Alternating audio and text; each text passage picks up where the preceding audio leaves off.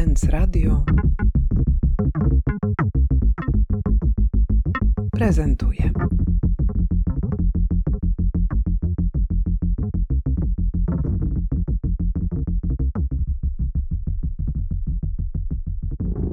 Dzień dobry, nazywam się Adrian Krężlik, jestem kuratorem wystawy Antropocen w pawilonie Zodiak. Antropocen to jest epoka człowieka. E, To jest definicja, która została przyniesiona do wiedzy w latach 80. jako nowa definicja, jako nowe pojęcie, które ma wprowadzać epokę człowieka, która jest częścią historii Ziemi. Te, ta historia Ziemi podzielona jest na pewne okresy i okresem, w którym ludzkość miała możliwość się rozwijać, jest Holocen. A natomiast ostatnie kilkadziesiąt lat pokazują nam, że to człowiek zmienia środowisko i planetę. I w związku z tym duża część naukowców stwierdziła, że należy się tej epoce nowe pojęcie, które nazywamy antropocenem. Holocen to jest, Holocen to jest epoka geologiczna i wszystkie epoki geologiczne wiążą się z ruchami Ziemi, z ruchami mas Ziemi. Antropocen wskazuje, że to pierwsza epoka, w której ruchy Ziemi spowodowane są przez jeden gatunek i to jest gatunek człowieka. Więc antropocen tak naprawdę to jest epoka, w której człowiek, e, jeden gatunek, ma większy wpływ niż wszystkie pozostałe gatunki na systemy planetarne. Wystawa oparta jest o obważynek ekonomiczny Kate Raworth. I ten obważynek ekonomiczny wyznacza dwie granice: pułap ekologiczny i podstawę społeczną.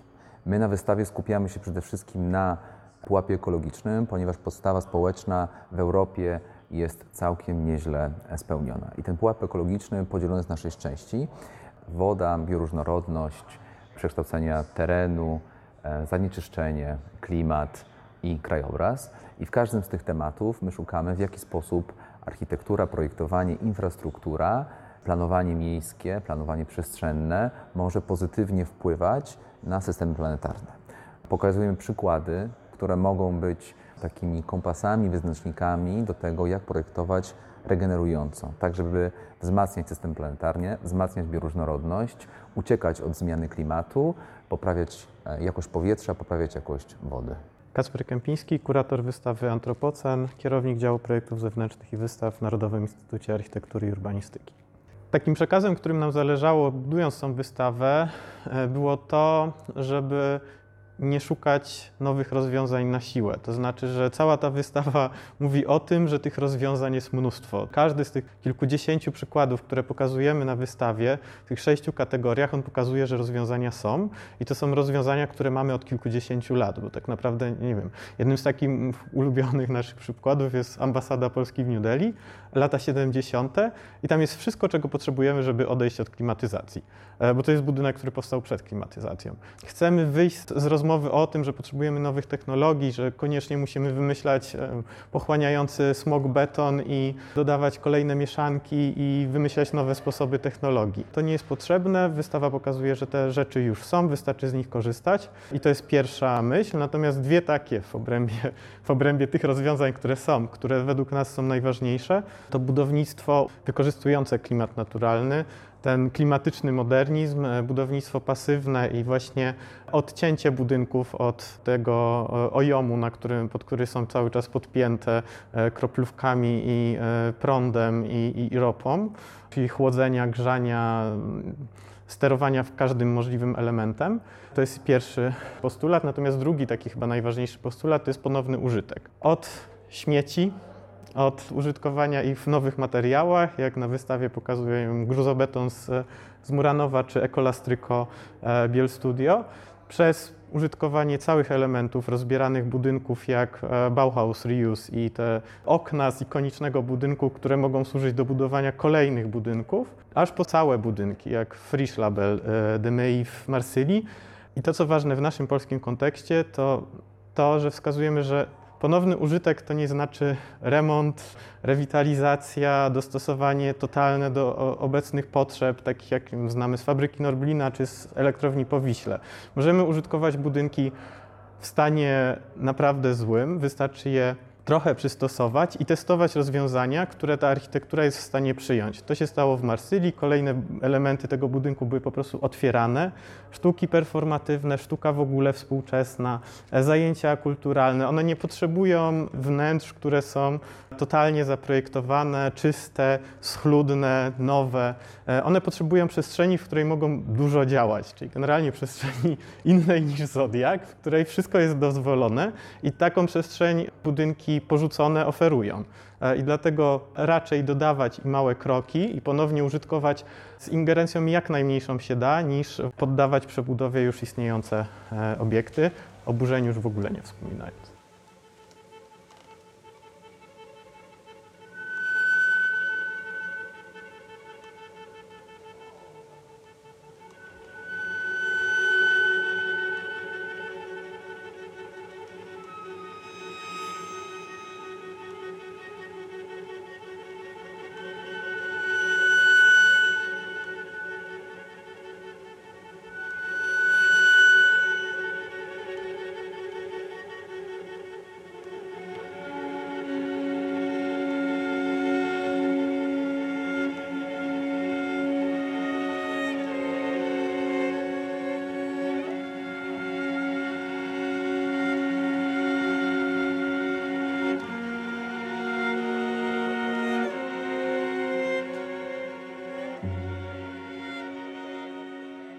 Mamy sześć stref, trzy strefy na, e, na parterze i trzy strefy w podziemiach. E, oprócz tego plac został zagospodarowany i dla mnie bardzo ciekawa jest dyskusja pomiędzy dwoma spekulacjami. Generalnie do projektu zaprosiliśmy sześć grup projektowych, które przygotowały spekulacje. Spekulacje przestrzenne na temat tego, co by było gdyby, i każda spekulacja odbywa się z każdej e, granic planetarnych. I oprócz tego mamy również, e, zaprosimy dwóch artystów muzyków, którzy skomponowali utwory na tą wystawę. I ja bym chciał powiedzieć o, tej, e, o tych elementach, które są widoczne na placu przed Zodiakiem. Mamy spekulację Kaspra Jakubowskiego i spekulację Marty Tomasiak. E, Mamy jedną spekulację dotyczącą bioróżnorodności, a drugą dotyczącą zmiany krajobrazu i kapitalizacji krajobrazu. Ja mi się wydaje, że ta kapitalizacja krajobrazu jest tutaj bardzo ciekawym tematem, bo Marta Tomasiak porusza temat tujozy i chce odczarować ten, e, ten, ten negatywny wizerunek ludzi, którzy kupują te tuje, a pokazać jak system, jak szkółki ogrodnicze zmieniły krajobraz, zmieniają krajobraz Polski. A z drugiej strony mamy tutaj e, projekt Kacpra Jakubowskiego, który pokazuje naturalne krajobrazy polskie, tereny czwartej przyrody, tereny roślinności pionierskiej, ruderalnej i jak ona e, wchodzi do miasta, jak do tej pory była traktowana jako chwaste, elementy niepożądane, brzydkie, e, a my chcemy pokazać, w jaki sposób możemy docenić ten element niezbędny do ekosystemu, niezbędny do dalszej sukcesji roślinności w mieście. Ja myślę, że te wszystkie sześć spekulacji, które znajdziemy na wystawie, są bardzo ciekawymi refleksjami na temat e, rzeczywistości, w jaki sposób możemy wpływać pozytywnie na systemy planetarne i w jaki sposób możemy je e, ratować. Bo to chodzi o to, że ma być wyglądać ładnie, da, dać ten waldowal urody, piękna, bo nie, nie mówi się o tym, że nie wiem, trzcinowiec, e, barszcz, mech są pięknymi, a są.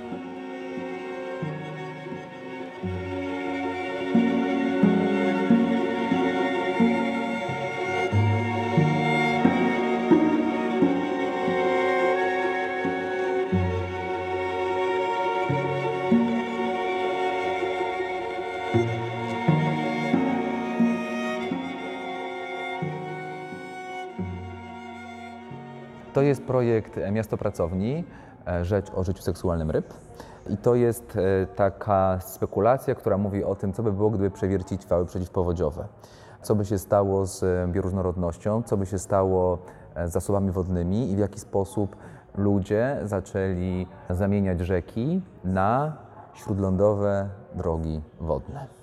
I to jest bardzo ważny temat e, w tym kontekście, bo jeżeli mówimy o śródlądowej drodze wodnej, to Warcie, czy Odrze, czy Wiśle, odbieramy imię, odbieramy jej własność e, samą w sobie, jaką jest bycie rzeką, i zmieniamy ich charakterystykę. Nie interesuje nas czystość wody, nie, nie interesuje nas jaka jest bioróżnorodność w tej wodzie, tylko interesuje nas jak szybko, ile barek może przepłynąć, jaką ilość ma skrętów, jaką ma e, przepustowość, ile jest tam, jaki czas zajmuje przepłynięcie z punktu A do B.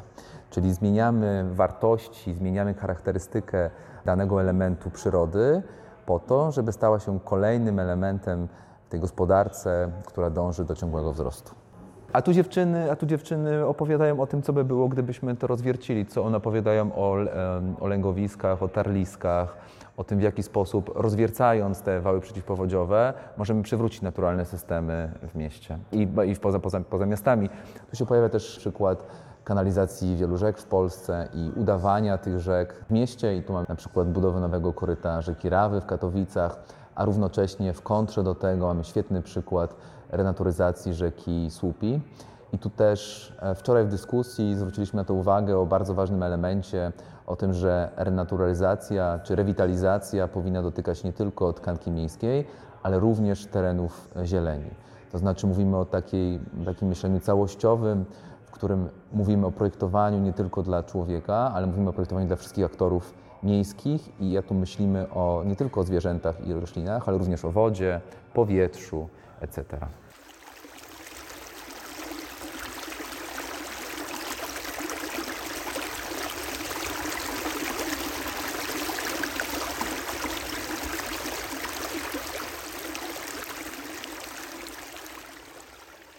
Makieta ogrodów opowiada, w jaki sposób w Polsce pioniersko zaczęło się mówić o zielonych dachach. Zielonych dachach zagospodarowanych, zielonych dachach dla człowieka, zielonych dachach, których ważnym elementem jest estetyka, a równocześnie na wystawie pokazujemy e, projekt e, z lat 90. również. To jest projekt e, Zielonych Dachów w Curychu. Prawo zmieniło, prawo ustaliło tam, że wszystkie dachy w Curychu powinny być zielone. To są dachy ruderalne, niedostępne najczęściej dla człowieka. E, więc pokazujemy też taki dwugłos, z jednej strony projektowanie skoncentrowane na człowieka, a z drugiej projektowanie alocentryczne, skoncentrowane na wszystkich organizmach. Przede wszystkim podchodzimy do bioróżnorodności jako jednej z granic planetarnych i to jest ta granica planetarna, która jest przekroczona najbardziej i zbliżamy się do momentu, do którego nie ma odwrotu. Jesteśmy w momencie szóstego wielkiego wymierania, kiedy widzimy, że doświadczamy i słyszymy to ciągle, że wyginęły kolejne gatunki, ostatni nosorożec, ostatni słoń, ale to są tylko wielkie ssaki. My chcemy tu powiedzieć o bioróżnorodności, o tych wszystkich gatunkach, które wymierają. E, to nie jest jasne i to nie jest znane wszystkim, że na przykład ponad 70% masy insektów w Niemczech w parkach narodowych wymarło. E, to są jakieś drobne elementy ekosystemu, których nie widzimy i które nie są znane, ale które są bardzo ważnym, ważnym, jego, ważnym jego elementem. E, równocześnie pokazujemy tutaj problem śmiertelności ptaków, które przy zdarzaniu się z wieżowcami i ze szklanymi przeszkodami giną. I to jest 550 milionów ptaków rocznie.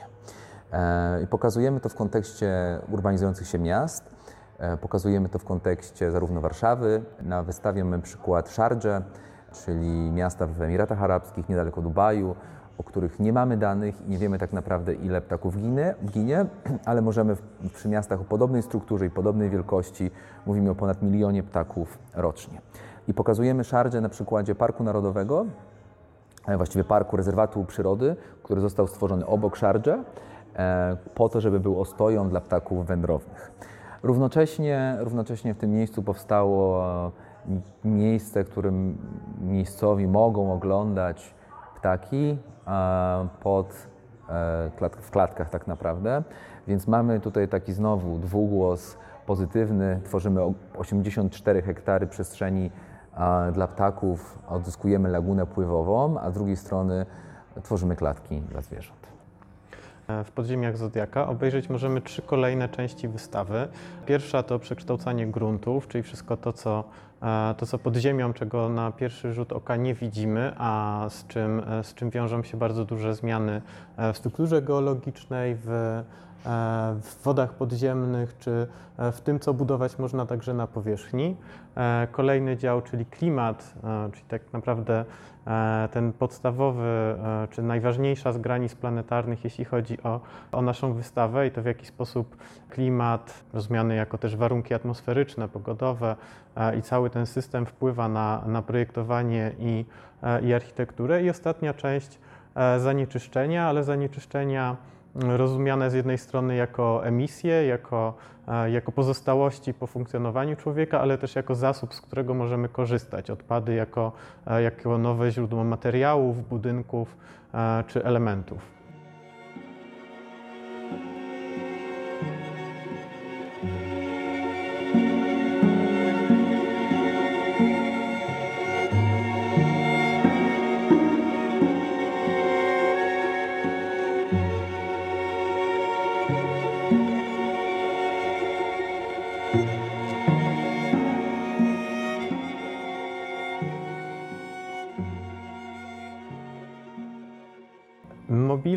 Które zaprojektowała grupa Centrala, e, czyli tak naprawdę instalacja rzemieślniczy mikroklimat, to taka spekulacja na temat tego, w jaki sposób budynki wpływają, e, mogą wpływać na, na kształtowanie się mikroklimatu w mieście.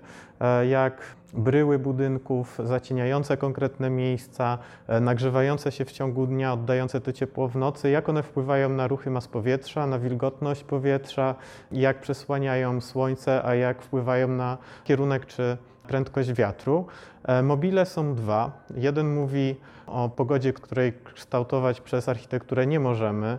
To E, jeden mobil to jest pogoda adwekcyjna, czyli taka, w której działają ruchy mas powietrza. I to jest właśnie ten pierwszy mobil i on przedstawia te zjawiska pogodowe, na które architektura wpływu nie ma, e, bo one, e, one się dzieją właśnie ze względu na niże, wyże, e, różnice ciśnień i architektura nie ma takiej mocy, żeby na nie wpływać. To są burze, tormy, silne opady, wyładowania atmosferyczne i to w jaki sposób one wpływają na pogodę w mieście, a z kolei drugi mobil, czyli pogoda instalacyjno-radiacyjna, to jest właśnie to, na co architektura wpływ ma, czyli z jednej strony nagrzewanie i promieniowanie słoneczne, wilgotność, miejska wyspa ciepła i, i obieg wody w powietrzu w mieście.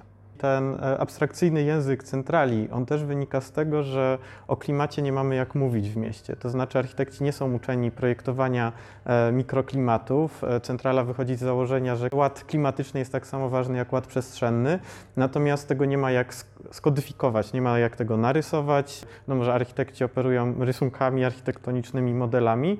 Dla tych wszystkich zjawisk, parowania, nagrzewania, ruchu powietrza nie ma symboli, graficznych symboli, które przyjęlibyśmy w rysunkach architektonicznych i te abstrakcyjne mobile, ta instalacja, ona jest też próbą takiego skodyfikowania tego, co niewidzialnego w przestrzeni miejskiej e, się dzieje. E, natomiast ta instalacja mm, Nazdry e, Pauliny Grabowskiej, Oliwii Rybczyńskiej to jest instalacja poświęcona zanieczyszczeniom i projektantki zostały przez nas poproszone o, mm, o przyjrzenie się Zatoce Puckiej. E, o tym, co się do niej wlewa z Wisły. To jest też próba poszukiwania takiego tematu, który co roku się pojawia w mediach, to znaczy kwitnienie sinic, e, niemożliwość kąpania się e, w wodzie w Zatoce Puckiej. Szukaliśmy takich tematów, które po prostu ludzie kojarzą z, mediów, z, z takiego codziennego życia. I Nazdra prowadzi takie badania na temat tego, jakie uprawy w przyszłości będzie można prowadzić na terenach zalewanych wodą słoną, jakie uprawy rolne. E, w tym przypadku um, mamy rośliny, które są efektem zanieczyszczeń w Bałtyku. E, z jednej strony są to rośliny, które zanieczyszczają, to znaczy algi, które właśnie pojawiają się w związku z tymi, e, z, tym, z tymi azotami, fosforanami, które wpływają do, do Zatoki Puckiej, a które są po prostu pochodną jakichś nawozów i one tam zakwitają i je postrzegamy w kategorii zanieczyszczeń, a z drugiej strony rośliny, które tą wodę mają potencjał czyścić. Tylko te zanieczyszczenia to jest też właśnie zasób i ten zasób to jest zasób e, dla e, branży spożywczej, bo część z tych roślin jest jadalna. Rzęsa wodna, którą, e, której, która jest zmorą wiem, akwarystów czy, czy osób mających oczka wodne, ona jest, e, mogłaby być polskim superfoodem. jest sałata morska, która nie tylko smakuje jak szpinak, ale jest też e, rośliną oczyszczającą wodę. E, no i mamy masę takich roślin, które są zanieczyszczeniem, różnymi algami, które zakwitają e, w zanieczyszczonej wodzie, natomiast mogą być używane w, w przemyśle budowlanym, konstrukcyjnym, w, w, materiałach takiego codziennego użytku. I to jest właśnie instalacja o tym, co z jednej strony jak czyścić tą wodę przy użyciu roślin, a z drugiej strony jak wykorzystywać to, co, to, co wynikiem zanieczyszczenia jest.